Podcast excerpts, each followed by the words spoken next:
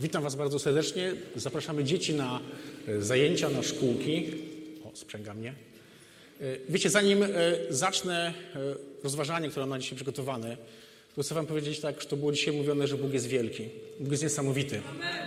I wiecie, nie możemy, jeśli, albo inaczej, jeśli wyobrażamy sobie Boga, to zawsze to wyobrażenie jest skażone naszą małością, na tym, jak nie potrafimy go sobie wyobrazić. Nie potrafimy go sobie wyobrazić tak, jak on jest wspaniały, tak, jak jest cudowny, jaki jest wielki, jaki jest olbrzymi. Wiecie, to przechodzi wszelkie nasze wyobrażenie. To przechodzi wszystko to, co możemy sobie na jego temat wyobrazić i powiedzieć. To jest, to jest, on, on jest cudowny, on jest niesamowity.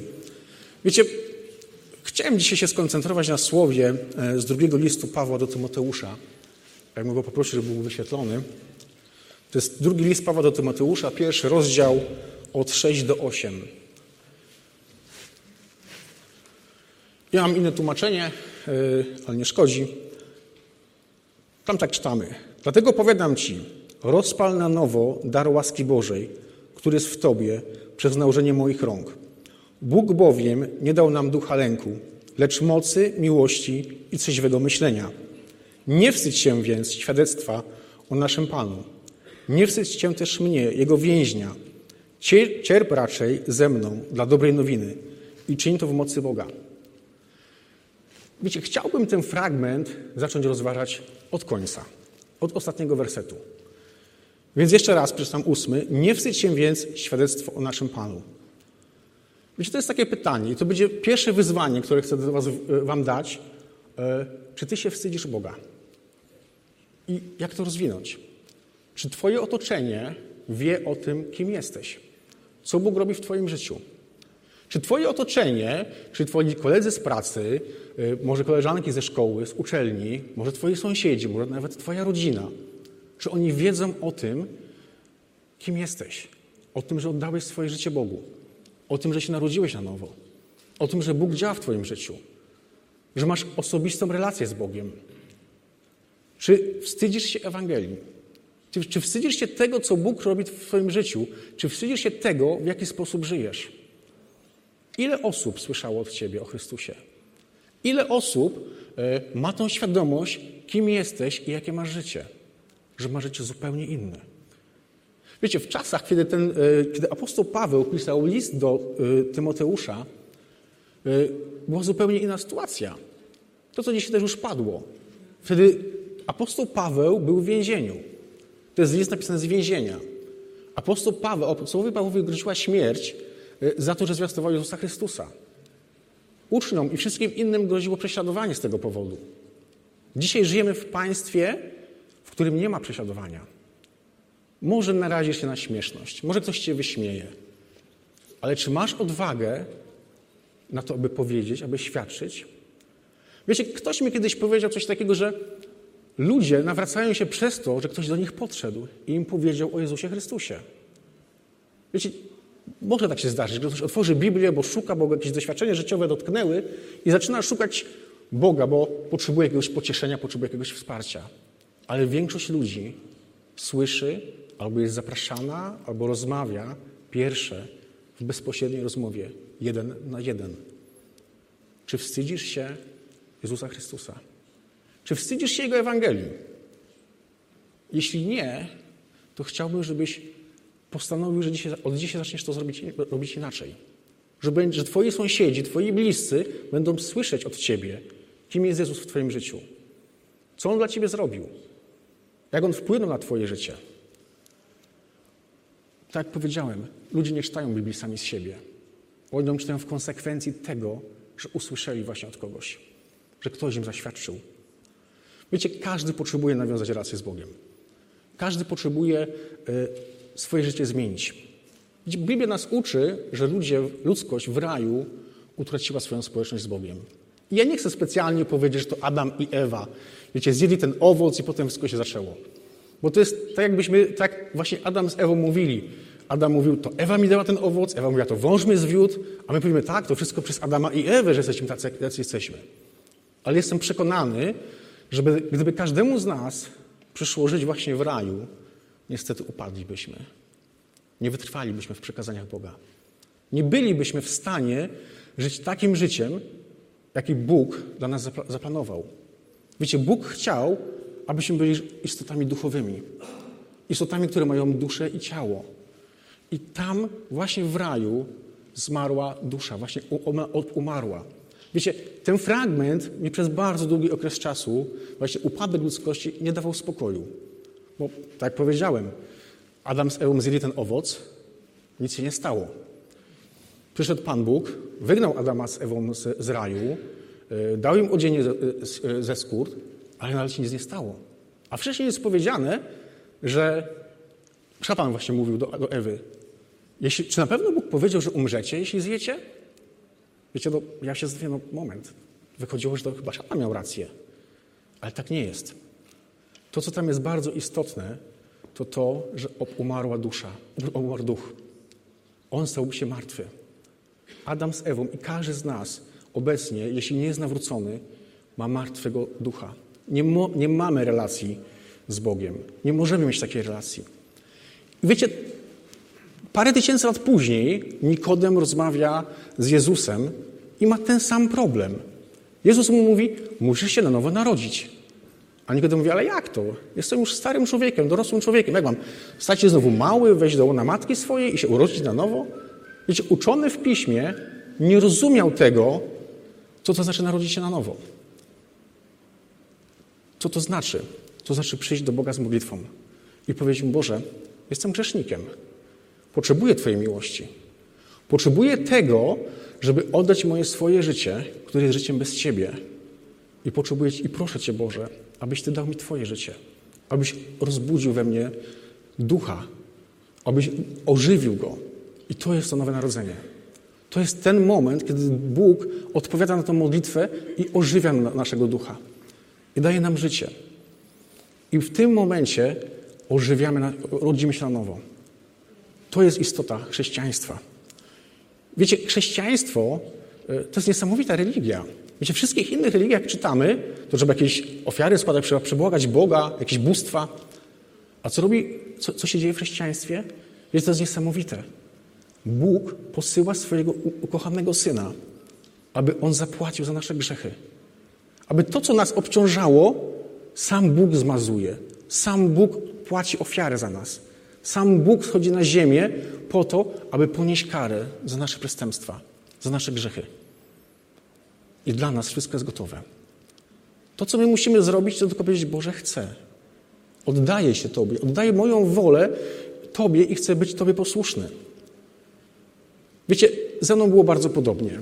E, ja się urodziłem w kościele chrześcijańskim, w kościele protestanckim i wydawało mi się, że wszystko jest pięknie, tak? Chodzę do kościoła, chodzę na lekcje religii. E, myślę, że moi rodzice mogliby powiedzieć, że nigdy ze mną nie było problemów, raczej się uczyłem dobrze. I wydawało mi się, że jestem taki fajny, no nie? Dopóki nie pojechałem na ewangelizację. I nawet będąc na tej ewangelizacji, ktoś mnie zapytał, jak mi się podoba. I mówię, super, że wiecie, te wszystkie osoby, które mają, nie wiem, coś w życiu na, na, mogą przyjść i się nawrócić do Boga. I pamiętam jak dzisiaj, to było ponad 20 lat temu, z płaczem na e, oczach, tak, 19-letni facet biegł do przodu, bo było wezwanie. I ja zrozumiałem, Bóg mnie tak dotknął, że zrozumiałem to, że potrzebuję oddać swoje, Bogu swoje życie dotychczasowe. I potrzebuję zupełnie zmienić swoje życie. I to nie chodzi o jakość tego życia, tak? Bo tak powiedziałem, byłem dobrym człowiekiem, tak mi się wydawało przynajmniej. Ale żyłem bez Boga. Żyłem tym życiem nieożywionym. I pytanie jest, czy tego się wstydzisz? Czy ty mówisz o tym innym ludziom? Czy ty świadczysz właśnie o tym twoim sąsiadom, twoim przyjaciołom, twoim znajomym, współpracownikom? Czy masz tą odwagę? Wiecie, mój syn miał chyba mniej jak około 4 lat, jak, jak, jak składał taką modlitwę. Wiecie, modlimy się też o dzieci w tym kościele, bo wierzymy, że dzieci też mogą oddawać swoje życie, już jako bardzo małe. Ale też nigdy nie jest za późno dla ciebie.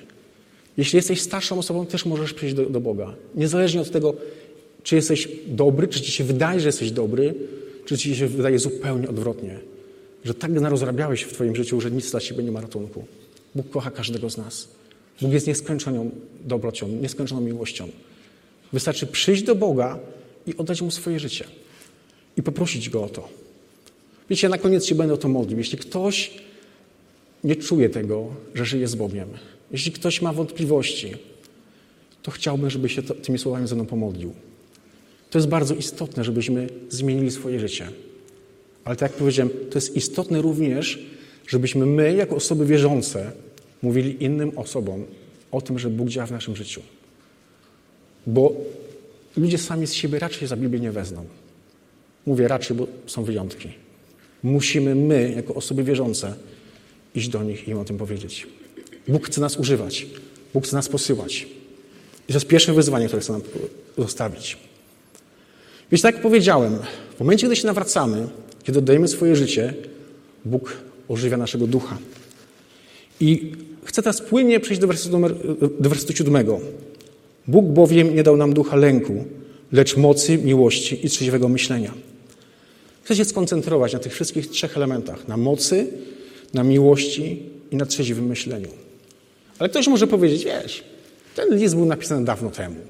Napisał go wielki apostoł y, do Tymoteusza. Tymoteusz był ewangelistą, jakbyśmy poczytali dalej y, listy, y, listy Pawła. Więc co taki zwykły człowiek może powiedzieć? Ja Ci chcę powiedzieć, że Bóg ma dla każdego z nas zadanie. Właśnie to, żebyś przynajmniej poszedł do tego swojego otoczenia, najbliższego otoczenia. I w tym otoczeniu mówił o Bogu. Wiecie, nie możemy się porównać z apostołem Pawłem, który był powołany do tego, aby iść na całą Europę i na całą Europę głosić właśnie o Chrystusa, zakładać zbory. Wiecie, jeśli chcemy się porównywać do apostoła Pawła, to chcemy też wykonywać taką pracę jak on. Ale to była praca dosyć wymagająca i myślę, że e, no życzę, jeśli ktoś ma takie powołanie, ale to jest do, naprawdę ciężkie i, i, i to jest duże wyzwanie. I Bóg nie ma pośredników. To nie jest tak, że teraz właśnie tak jak e, ten list jest pisany przez apostoła do wielkiego ewangelisty, czy może starszego zborze, albo kogoś, kto, kto miał jakąś, jakąś pozycję liderską. Bóg powiedział, że nie ma pośredników. Bóg chce mieć relację z każdą, z każdą osobą bezpośrednio, bez żadnego pośrednika. Wiecie, w Starym Przymierzu potrzebny był arcykapłan, który musiał złożyć ofiary. Ale my żyjemy w Nowym Przymierzu. Żyjemy w miłości. Żyjemy pod Nowym Przymierzem. Żyjemy w miłości Bożej. I Jezus Chrystus powiedział, nie potrzebujecie pośredników. Mamy dojście do Boga bezpośrednio, właśnie dlatego, że mamy ducha. Dlatego, że On nas tym duchem zabezpiecza i mamy możliwość rozmawiania z Bogiem bezpośrednio. Każdy z nas. I również w drugą stronę. Nie potrzebujemy też pośredników, żeby Bóg do nas mówił. Przez kogoś. Bóg może mówić do Ciebie, bezpośrednio do Ciebie. I Bóg to chce robić. A więc nie mamy pośredników. Bóg mówi też to do nas. Te słowa są również skierowane dzisiaj do nas, do każdego z nas. Wiecie, tak już powiedziałem, e, jeśli się, jeśli się nawracamy, to modlimy się do Boga i prosimy Go o nowe życie. Prosimy o Jego prowadzenie. Podajemy swoją wolę Jego woli i chcemy być posłuszni Jego woli. A w liście do Rzymian 8, 14 do 16, jeśli bym prosił o, o wyświetlenie, ja sobie otworzę Rzymian 8, 14 do 16.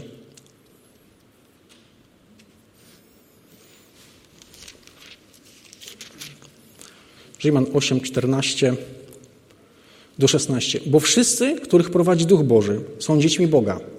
Nie otrzymaliście przecież ducha niewoli, by ponownie żyć w zastraszeniu, lecz ducha usynowienia, w którym wołamy Abba Ojcze. Ten właśnie duch świadczy wraz z naszym duchem, że jesteśmy dziećmi Boga. Więc jeśli się nawróciłeś, jeśli prosiłeś Boga o to nowe życie, to prosiłeś Go o odprowadzenie. A ten fragment mówi, że jeżeli Cię Duch Boży prowadzi, a prosiłeś o to, to masz tego ducha. Więc, jest, więc masz tego ducha i masz przystęp do Boga. Więc ten fragment mówi też do nas. Cały ten fragment o tym, abyśmy właśnie mówili głosili. I teraz chcę przejść do tych trzech fragmentów. Do mocy, miłości i trzeźwego myślenia. Wiecie, bo Bóg chce o tym do nas powiedzieć też dzisiaj. Zastanawiałem się, co to jest ta moc. Wiecie, bo my tak często mówimy, Bóg ma moc i, i, i nie wiem, jakbyśmy zrobili e, teraz ankietę, kto co myśli na temat, nie mówię o nas w Kościele, powiedzmy o Wrocławiu. E, z czym się Wam kojarzy słowo moc? Myślę, że padałyby bardzo różne odpowiedzi. Może ktoś by powiedział, że a, jemu się kojarzy moc z filmem Gwiezdne, Gwiezdne Wojny, nie? Komuś by się skojarzyła, skojarzyło słowo moc, może z piosenką z, e, z, z bajki, zresztą właśnie tytuł e, Mam tę moc, tak? Jak tam śpiewają te, te dwie dziewczynki. Wiecie, z czym, się nam, z czym społeczeństwu się kojarzy moc? Wiecie, my jako chrześcijanie tak mało tej mocy oglądamy i tak mało o niej mówimy, tak mało w niej działamy. Ja sobie przygotowałem parę wersetów i chciałem zacząć od Marka 1, 21, 22. Chciałem zacząć od Jezusa Chrystusa. Y, tam jest takie, takie, takie, tak napisane. I zdumiewali się, na, się Jego nauką. Uczył ich bowiem jak ten, który ma moc, a nie jak uczeni w piśmie. Widzicie, Jezus Chrystus miał moc. Miał moc i w tej mocy uczył. W tej mocy nauczał. Gdybyśmy ten fragment czytali dalej, to tam jest napisane, że Jezus wygonił demona z człowieka. Wiecie, Jezus nie tylko nauczał i mówił, ale również działał w taki sam sposób. Działał w tej mocy. Bóg miał, Jezus Chrystus, jak mówił, to ludzie byli poruszani. I ten fragment dzisiaj właśnie mówi o tym, że mamy ducha i mamy taką moc. Bóg dał nam to, dał nam tego ducha i przez to, jak mówimy innym ludziom o Chrystusie, to to może ich dotykać, to może ich poruszać. Bóg to obiecuje w tym fragmencie dla siebie. Inny fragment, jeśli popatrzymy na dzieje apostolskie, czwarty rozdział, 32 do 34, też sobie możemy otworzyć. Dzieje apostolskie, czwarty rozdział, 32 do 34. To jest pierwszy kościół. Żebyśmy nie tylko mówili o Jezusie, tak? No bo wiadomo, no Jezus to naprawdę miał moc, tak? Ale my, ludzie. A tu jest mowa o, o pierwszym kościele. Cała rzesza tych, którzy uwierzyli, miała jakoby jedno serce i jedną duszę. Nikt też nie nazywał własnym tego, co posiadał, ale wszystko mieli wspólne. Apostołowie z ogromną mocą składali świadectwo o zmartwychwstaniu Pana Jezusa, a wszystkim towarzyszyła wielka łaska. Wiecie, apostołowie też mieli moc. Apostołowie, jak zwiastowali innym ludziom Jezusa Chrystusa, to również ludzie byli dotykani. Wiecie, w dziejach apostolskich, jak czytamy, to pierwszy Kościół codziennie się pomnażał. Codziennie przybywało nowych wiernych, bo Słowo było zwiastowane z mocą. Bo to, co było mówione, dotykało ludzi. Wiecie, Bóg dotyka ludzi. Ale musimy iść, musimy głosić. Musimy dać się Bogu użyć do tego, aby inni ludzie właśnie słyszeli o Jezusie Chrystusie, o tym, co On działa, o tym, co On zrobił w naszym życiu i jak On działa. Wiecie, wróćmy znowu do Jezusa. O innym aspekcie mocy chcę też powiedzieć. Łukasz 6,19. Y, tam jest takie zdanie, że a każdy z tłumu starał się go dotknąć, mowa o Jezusie, ponieważ wychodziła z niego moc i leczyła wszystkich.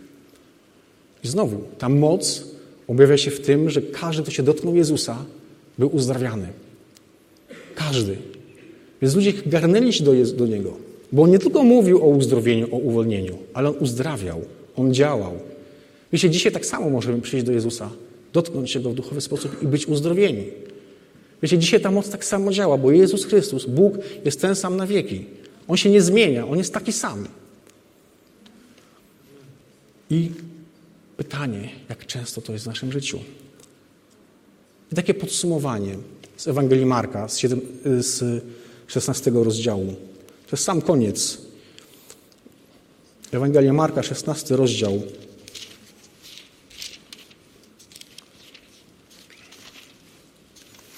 Ewangelia Marka, 16 rozdział, 17 werset.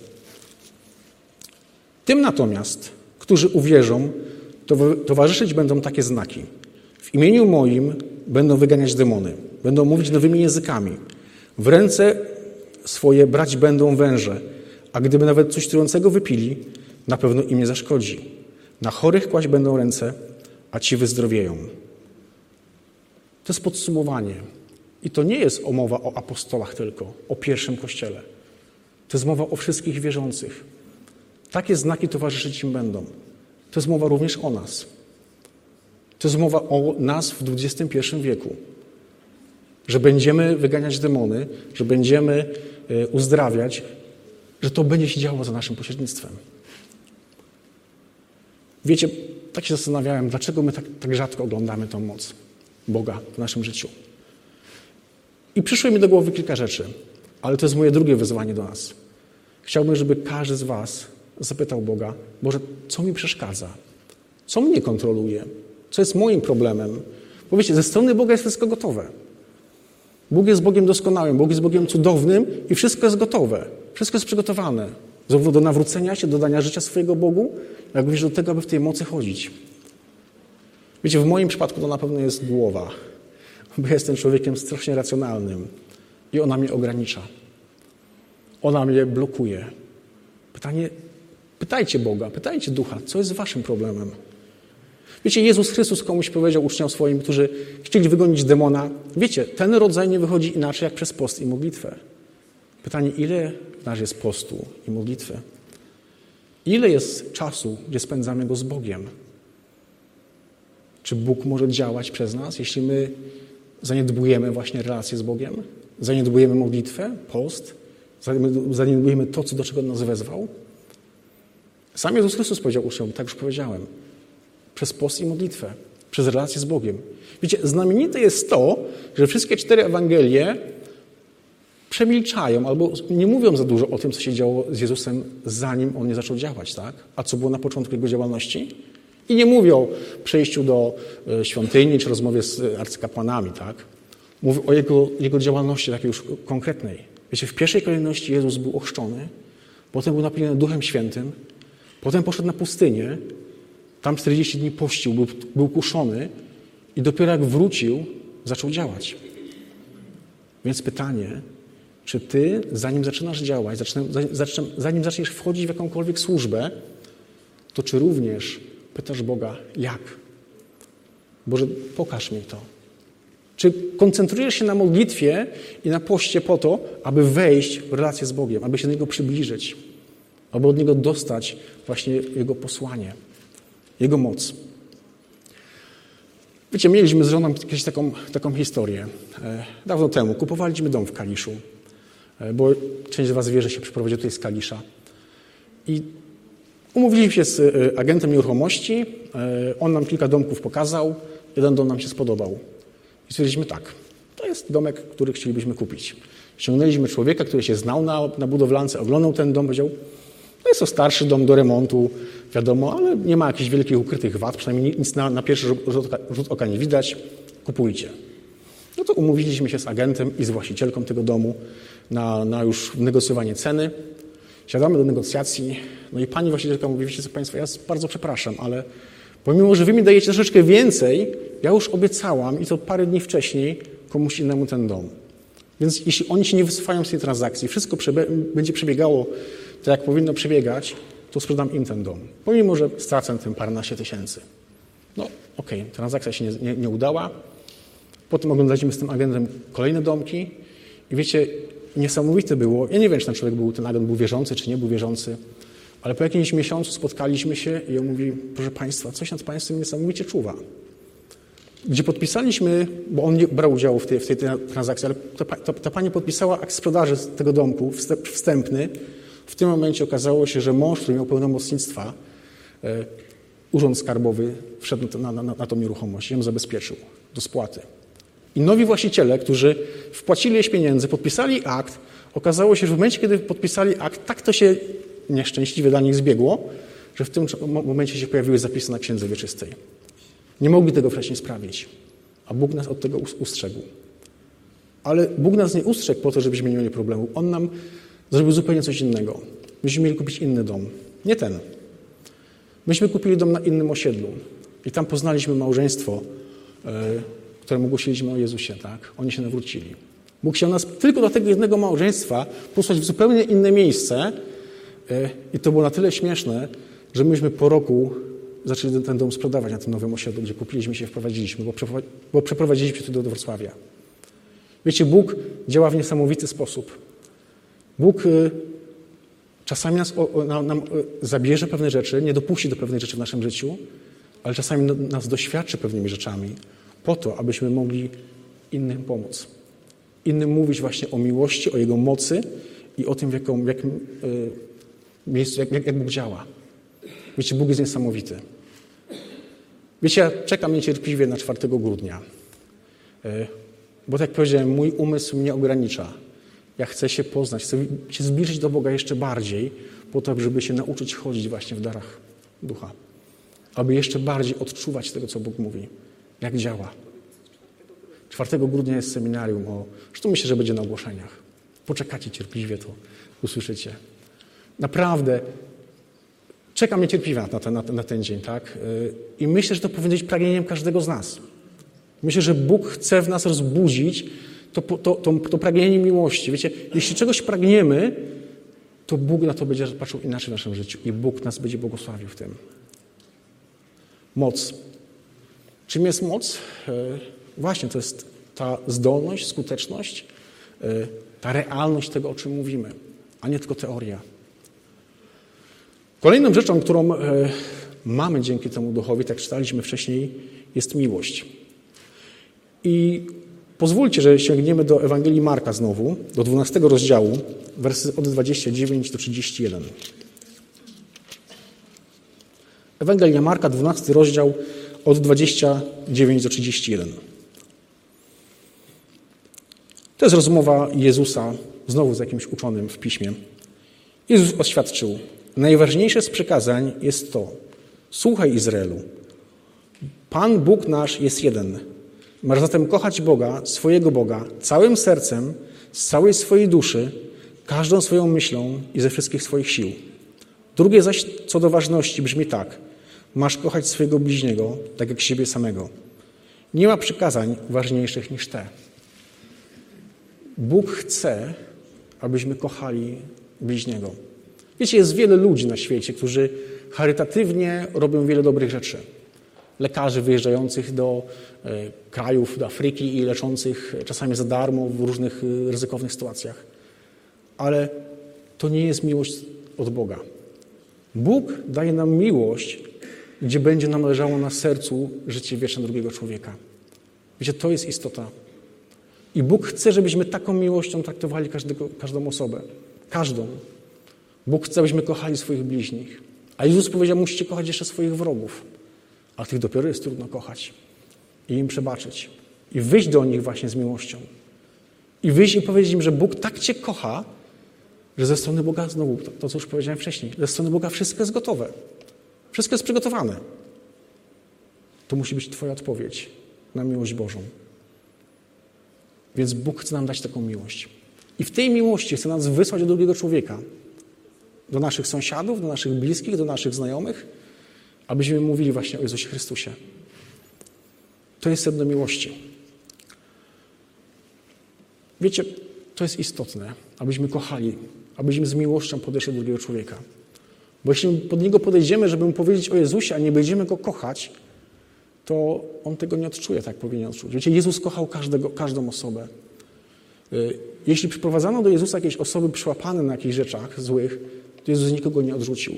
Jeśli ludzie chorzy przychodzili do Jezusa, nikogo z nich nie wyrzucił. Jezus uzdrawiał, pomagał i wspierał. I Bóg taką miłość chce zaszczepić w naszych sercach. I do takiej miłości nas powołuje. Taką miłość mamy dzięki temu, że mamy Jego ducha i że tym żyjemy i powinniśmy tym żyć. Wiecie, pytanie jest takie, czego Ty oczekujesz? Czy Ty jesteś osobą, która właśnie jest gotowa na to, aby nieść taką miłość innym osobom? Czy tak naprawdę w głębi serca jesteś osobą, która tak naprawdę zabiega o swoją uwagę? O to, żeby być w centrum uwagi, ale to jest egoizm. Aby być w centrum tego, że to ludzie od Ciebie mają się troszczyć. Wiecie, jesteś, jeśli jesteś osobą nawróconą, jeśli jesteś osobą, która żyje z Bogiem, to prze, przez Boga ta miłość ma być pokazywana innym ludziom, ma być skierowana na innych ludzi. Mamy się wyzbyć swojego egoizmu. Mamy zacząć służyć innym osobom. Mamy być dla innych osób. Mamy mieć miłość do nich. Ostatnią rzecz, którą mamy w tym fragmencie, to trzeźwe myślenie. Niektóre tłumaczenia mówią powściągliwość albo samokontrola. Gdybyśmy popatrzyli sobie na pierwszy Tymoteusza, e, trzeci rozdział, od pierwszego do piątego wersetu, tam jest opis, e, jaki powinien być biskup, albo jaki powinien być starszy, znowu zależy od tłumaczenia. Ale myślę, że nie powinniśmy tego fragmentu stosować tylko do właśnie tych ludzi z przodu czy na świeczniku. Myślę, że powinniśmy to popatrzeć na samego siebie. Wiecie, tam są takie słowa jak e, być nienaganny, rozsądny, przyzwoity, gościnny, zdolny do nauczania, łagodny, nieporywczy, niechciwy. I wśród tych wszystkich jest też trzeźwe myślenie wymienione. Więc jeśli sobie popatrzymy tak na człowieka, że taki ma być człowiek, którego Bóg obdarza duchem, to pytanie, czy tacy jesteśmy. Pytanie, czy te cechy są w nas y, obecne. Tak jak powiedziałem, ja mam ten problem, że bardziej trzeźwo myślę, niż mam moc w sobie, tak? I, I to jestem bardziej w tym kierunku obdarowany. Ale wydaje mi się, że to, co Bóg chce y, do nas powiedzieć, że mamy prosić o te trzy elementy. Mamy prosić i je ożywiać w swoim sercu, właśnie i o, jeśli chodzi o moc, jeśli chodzi o miłość i o trzeźwe myślenie. Bo jeśli coś w jednym miejscu ma więcej, a w drugim mniej, to trochę jest nierównowaga. My musimy prosić o równowagę pomiędzy tymi elementami. Wiecie, odnośnie tego trzeźwego myślenia sobie jeszcze wypisałem jedną rzecz. Bo można o sobie myśleć w dwojaki sposób. Mogę myśleć o sobie za dużo i to jest wtedy pycha. I wtedy się wychodzi i, i zaczyna się być jak ten faryzeusz z przypowieści o faryzeuszu i celniku. I faryzeusz się właśnie modli, jaki to on jest wspaniały, tak jak on jest cudowny. I, i, ale co słyszę, że on nie był usprawiedliwiony. Można też być w drugą stronę. Można myśleć o sobie za mało i myśleć, ja jestem niegodny, Panie Boże. Ja nie mogę mówić nikomu innemu o Tobie. Ja nie mogę oświadczyć, bo ja jestem taki grzeszny, taki, nie wiem, brakuje mi tego czy tamtego. Ale Bóg też tego nie chce, żebyśmy tak o sobie myśleli. Bo to jest wymówka. To jest wymówka do tego, aby nie iść i nie głosić, nie, nie iść i nie mówić. Bóg chce, żeby, żebyśmy mieli na, nas, Bóg ma od nas dobre zdanie i Bóg chce, żebyśmy również sami o sobie mieli dobre zdanie. Odpowiednie i właściwe. Według Jego standardu, według tego, co On myśli. I to jest trzeźwe myślenie. Trzeźwo myśleć o sobie, trzeźwo myśleć o tym świecie, tak? O tym właśnie, że Bóg jest wielki i, i, i potężny, tak? I to, to, co się na tym świecie dzieje, tak naprawdę jest malutkie w porównaniu do Boga. Bo Bóg jest olbrzymi, Bóg jest wielki, Bóg jest, Bóg jest niepojęty, tak?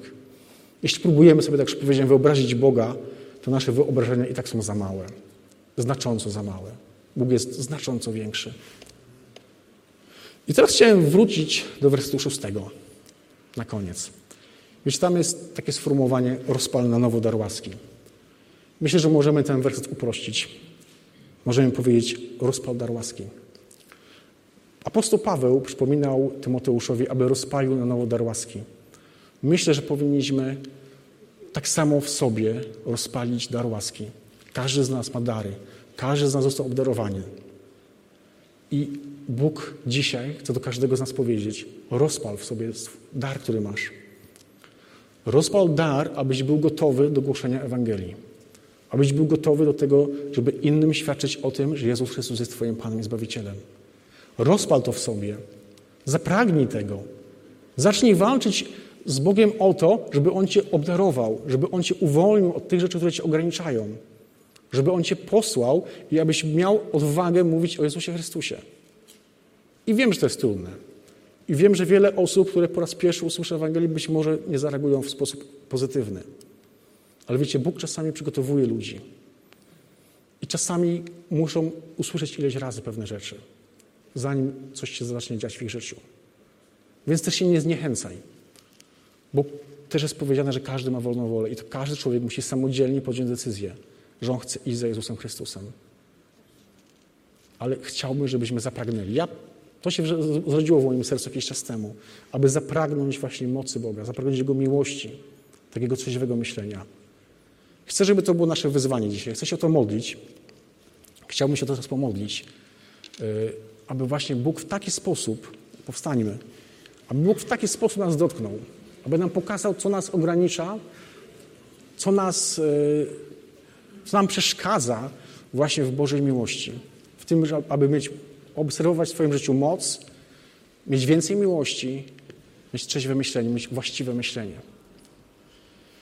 Kochany Ojcze, Panie, przychodzę przed Twój w niebie tron, Panie, i chcę Cię prosić, Panie, abyś Ty pobudził nasze serca, Panie. Abyś, Panie, pokazał nam, co nas ogranicza, gdzie są nasze problemy, Panie, w tym, aby przyjąć to, co Ty dla nas przygotowałeś. Aby przyjąć to, z czym chcesz nas posłać do innych osób, do innych ludzi, z naszego otoczenia, z naszych bliskich, z naszych relacji, z naszych kręgów z, z, znajomych, Panie. Chcę Cię, Boże, prosić, abyś nas obdarowywał, Panie, abyś Ty usuwał wszelkie ograniczenia, aby Twoja moc, Panie, przez nas przepływała i się objawiała. Tak jak powiedziałem wcześniej, chcę też się modlić o te osoby, które być może nie mają uregulowanej sprawy. O te osoby, które może nie rozumieją, co się dzieje, o czym mówimy, e, o te osoby, które e, może nie są pewne tego, gdzie idą, w którym kierunku zmierzają. Wiecie, jak ja się nawróciłem, to Bóg zrobił jedną rzecz znamienitą w moim, w moim sercu. Dał mi pewność zbawienia. I od tego czasu jestem absolutnie pewny tego, że będę zbawiony, że Bóg jest moim Bogiem, że On jest moim Panem i że On mnie nie wypuści. Chcę się modlić teraz o te osoby, które może mają jakieś wątpliwości, którzy może nigdy takiej modlitwy nie, nie składały, tak jak mówiłem już wcześniej, którzy nigdy nie przyszły do Jezusa Chrystusa. Ja to zrobiłem wiele lat temu. Jestem Bożym dzieckiem. Jestem zabezpieczony Jego Duchem Świętym i On mnie prowadzi. Chcę, żebyś tę modlitwę składał, zmawiał razem ze mną.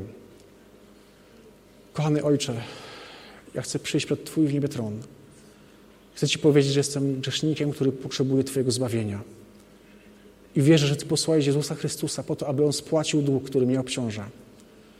Aby kara, która się należała mnie, została już zapłacona przez Jezusa Chrystusa. Przyjmuję, Panie, zbawienie, które jest w Jezusie Chrystusie. Chcę Ci, Boże, oddać moje stare życie. Chcę go oddać i przyjąć zupełnie nowe życie. Chcę, Panie, abyś rozbudził na nowo ducha w, w moim życiu. Chcę, Panie, być posłuszny Twojej woli. I chcę podążać Twoją, Panie, ścieżką. Amen.